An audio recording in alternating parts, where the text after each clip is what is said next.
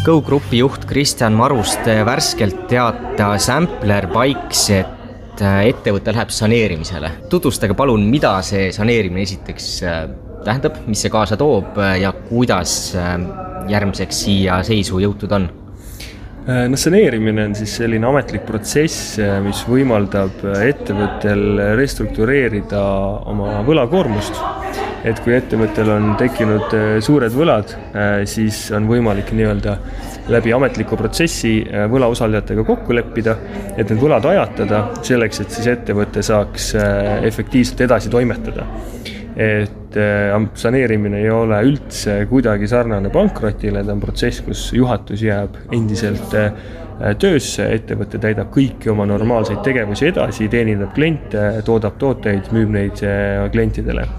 aga ta on just kasulik siis selleks, et kui ettevõttel on tekkinud võlakoormus, mis Ampleri puhul on siis mineviku kahjumitest osutunud väga suureks, siis on võimalik see võlakoormus ajatada pikka tulevikku ja seeläbi siis ettevõttelt efektiivselt ja, ja kasumlikult opereerida.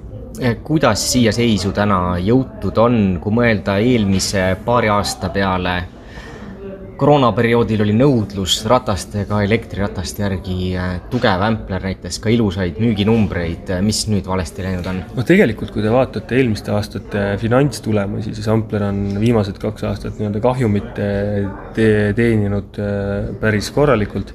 ja noh, see on tulnud siis äh, eelkõige sellest, et, et võeti väga ambitsioonikad plaanid, kuna suudeti ka raha kaasata. Ja, ja võib-olla need plaanid olid noh, liiga ambitsioonikad tegelikkusega kokkuvõttes, et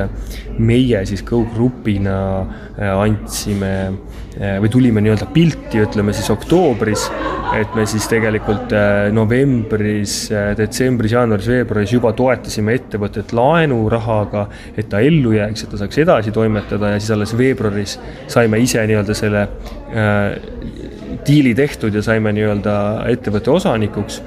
ja noh, siis, siis me vaatasime nagu asja sisse ja, ja tegelikult tuligi välja, et siis jaanuarist aprillini on ettevõte kaotanud kaks koma üks miljonit eurot äh, kahjumit, et, et on teinud kahjumit siis, et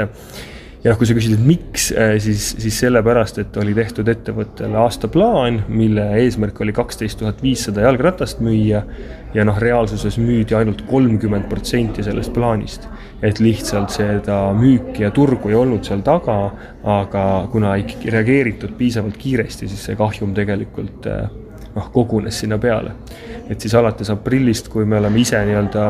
ettevõtte juhatuses olnud, siis me oleme nüüd kaks korda neid plaane ümber teinud ja nüüd jõudnud siis sellise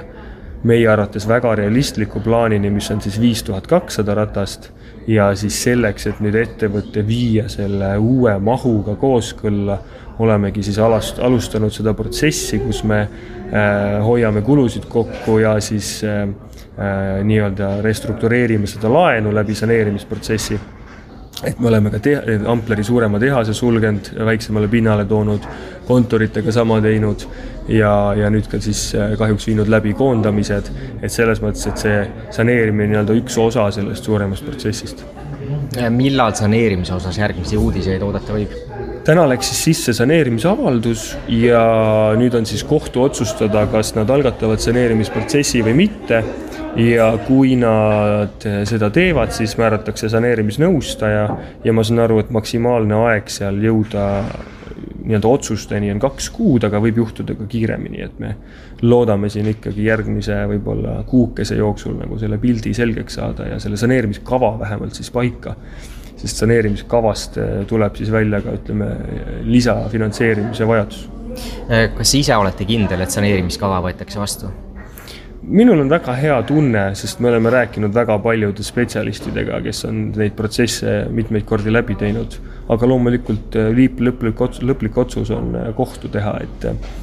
et noh, nagu öeldud, siis tegelikult noh, ma arvan, et saneerimisprotsess alustatakse kindlasti, et nüüd ongi küsimus, et kas me saame, millisena me selle saneerimiskava kokku saame ja, ja seal siis sõltub tegelikult nii-öelda võlausaldajate otsusest lõpuks, et et äh, need instantsid, need osapooled, need tarnijad, kellele ollakse võlgu, see on siis nende otsus, äh, kas nad siis on nõus selle saneerimiskavaga või mitte. saan aru, et kui äh, suudetakse võlad restruktureerida, siis võib olla lootus selleks, et peale seda olete kas kasumis või vähemalt nullis ja suudate niimoodi edasi toimetada?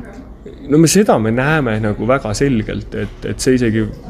ma ütleks, et lootus on võib-olla isegi nagu jah, meie jaoks nagu vale sõna, et pigem ongi see, et me nagu selgelt näeme, et ettevõte suudab opereerida äh, nullis või kasumlikult, ähm, kui seda võlakoormust restruktureerida, et noh, ma toon näitena, et täna maikuus me oleme, oleme teel, et teha ligi miljon eurot käivet, et, et äh, noh ettevõte opereerib, äh, toodab rattaid, müüb rattaid ja rattad on endiselt klientide poolt armastatud, et põhjus on lihtsalt selles, et plaanid varasemalt olid tehtud liiga optimistlikud. Go Grupp äh, läbi enda erinevate ettevõtete hoiab kätt päris tugevalt sellise mikromobiilsuse turul sees. mida te sealt näete üldise turunõudluse kohta ka teistes segmentides? No selgelt on näha, et äh, kogu jalgrattatööstus on äh, sellel aastal äh, languses või noh, korralikult juba kahanenud, et selle põhjus on siis see, et Covidi aastatel osteti väga-väga palju rattaid ja tegelikult nii-öelda tõmmati nagu turg ette tühjaks ära, et ega inimene ju iga aasta uut ratast ei osta. et siis paljud inimesed tõid oma otsuse nii-öelda varasemaks et sellest, ütleme, tavaline selline ratta ostuturg on, on kahanenud, väga kiiresti kasvab selline subscription või rent, et sa maksad kuutasu, saad endale sõiduki. Äh, seal me lähme ka Aikesega laieneme. Ja kui me vaatame, ütleme tõukerattarenti, siis ka see turg on, on, on, hetkel äh, laias maailmas pigem kahanemas, sellepärast et riskikapitali raha enam sinna lõputult ei voolanud, nüüd otsitakse nagu efektiivsust ja kasumlikkust. ja noh, see on tegelikult äh, noh, koht, kus meil näiteks tuulel läheb nagu väga hästi. Et noh, ütleme väga võib-olla kokkuvõtvalt öelda, siis sellel aastal läheb pigem kõigil raskelt, aga samas ütleme, keskpikas perspektiivis ma arvan, on nagu äärmiselt positiivne. Eh, linnad, riigid, riigid pole kunagi nii palju infrastruktuuri investeerinud, et ma arvan, et kogu maailm liigub nagu oluliselt suurema kergliikurite kasutuse poole. ja see tänane noh,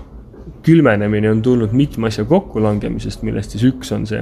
et Covidi ajal osteti palju rattaid äh, ja teine on siis see, et noh, on nagu üldine võib-olla jahenemine ja tegelikult ju Covidiga samal ajal oli veel komponendikriis ka, sa ei saanud juppe, samas taheti väga palju osta, kõik tõmbasid ennast hästi rihmaks arvasid, et nüüd teeme hästi palju rattaid, siis tegelikult tekkis jahenemine, on ju, Covid lõppes ära, majandus ka jahenes, et see on nagu niisugune nagu mitu asja korraga kokku sattunud. aga mina isiklikult arvan, et aasta teises pooles see kõik on juba läbi ja, ja uuel aastal uue hoog tänase teadmise pealt vaadates äh, Ampleri lisandumine Go Gruppi ka nüüd paistab hea otsus? No finantsiliselt äh, äh, võib-olla siis nagu lepingutehniliselt ehk mitte, aga strateegiliselt väga hea otsus, jah. aga kui rääkida natuke sellest pikemast plaanist, mis teile positiivsust ikkagi sisendab ja mis teid iseennast innustab? mind innustab, see on lahe küsimus, et, minul on selline plaan, et, et kui sa mõtled ükskõik millise üldse tööstusharu peale, siis seal on alati mingisugused sellised brändid, mis justkui defineerivad selle, selle, selle asja, noh, ma toon näiteid. kui sa mõtled äh, elektroonika peale, sul on seal Apple, Samsung, kui sa mõtled autode peale, sul on võib-olla Mercedes ja Porsche või midagi sellist. ma ei tea, mõtled spordi peale Nike, Adidas, eks kui sa mõtled kergelektrisõidukite peale, noh, rataste, tõukerataste, kargorataste peale, siis seal ei ole ühtegi sellist brändi, mis nagu üldsusele defineeriks, et jah, see on see kõige ägedam bränd selles valdkonnas. sest see on väga killustunud, et sul on olemas brändid, mis teevad kargorattaid, on ju, see on brändid, mis teevad tavarattaid, see on brändid, mis teevad äh, tõukerattaid. mina näen nagu hästi põnevat võimalust ehitada see üks defineeriv bränd siis Euroopa ja Ameerika turule mis siis teeb kergelektrisõidukeid, millega linnas liikuda. mis siis kombineeriks äh, nii-öelda kõik need erinevad asjad kokku, tõukerattad, rattad, kargorattad, võib-olla midagi kolmandat veel. ja, ja see on sihuke minu enda motivatsioon nagu järgmise kümne aasta jooksul, et ehitada see üks äh, selline defineeriv bränd äh, sellesse valdkonda, ma arvan, et seal on nagu väga hea turuvõimalus ja see on ka üldiselt põnev ja Eestis pole keegi kunagi ühtegi suurt globaalset nii-öelda brändi väärtusega brändi ehitanud, nii et see on äge mm korra niimoodi Funderbeami investori külje pealt küsides ähm,, vahepeal on siin kuuülevaated Funderbeamis vahele jäänud üksikutel kuudel, nüüd tagantjärgi esitati, kas nüüd see, et saneerimisprotsess siin pihta algab, kas kuuülevaated tuleb täpselt, tulevad täpselt samamoodi edasi, kommunikatsioon toimub tavapäraselt edasi või on seal ka mingid muutused? tead, päris aus vastus, ma ei tea, kas meil on seal mingisugused piirangud, et minu teada meil ei ole seal mingeid piiranguid, ma vabandan, et seal see üks kuu vahele vist jäi, et, et see oli pigem nagu Äh, selline, et kes nüüd siis esitab, et kas Ardo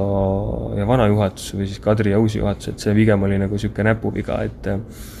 et äh, nagu te nägite, siis äh, hiljuti tuli seal see uuendus, mis võib-olla oli ka natukene nagu laiem ja avatum, kui ta varem on olnud, et me kindlasti nagu oleme pigem sellise suure avatuse ja, ja näh-, läbipaistvuse poolt, et, et me kindlasti kui me vähegi saame äh, seadusruumist lähtuvalt, siis me kindlasti teeme neid uuendusi sinna edasi. ja küsige julgelt ka küsimusi, et ma tean, et me ei ole seal olnud väga edukad nende vastamises mingitel ajahetkedel, aga me kindlasti teeme seda tulevikus edasi. kui ma ei eksi, siis varasemalt mainisite, et aastaplaan on nüüd viis tuhat kakssada ratast. jah. Äh, millise aastakäibe see annaks? no see tuleb sihuke üksteist, kaksteist miljonit. ja see on see maht, mille pealt ka tänased äh, kulude kokkutõmbamised on tehtud, jah? jah, noh, tegelikult me proovime isegi nagu võib-olla kuludega natukene nagu rohkem kokku tõmmata, et noh, et, et juhul, kui miskit abcd ei juhtu, et aga, aga jah, põhimõtteliselt see nii on kokku pakitud. ütleme, et kui tuleb üle kümne miljoni, siis me võime öelda, et see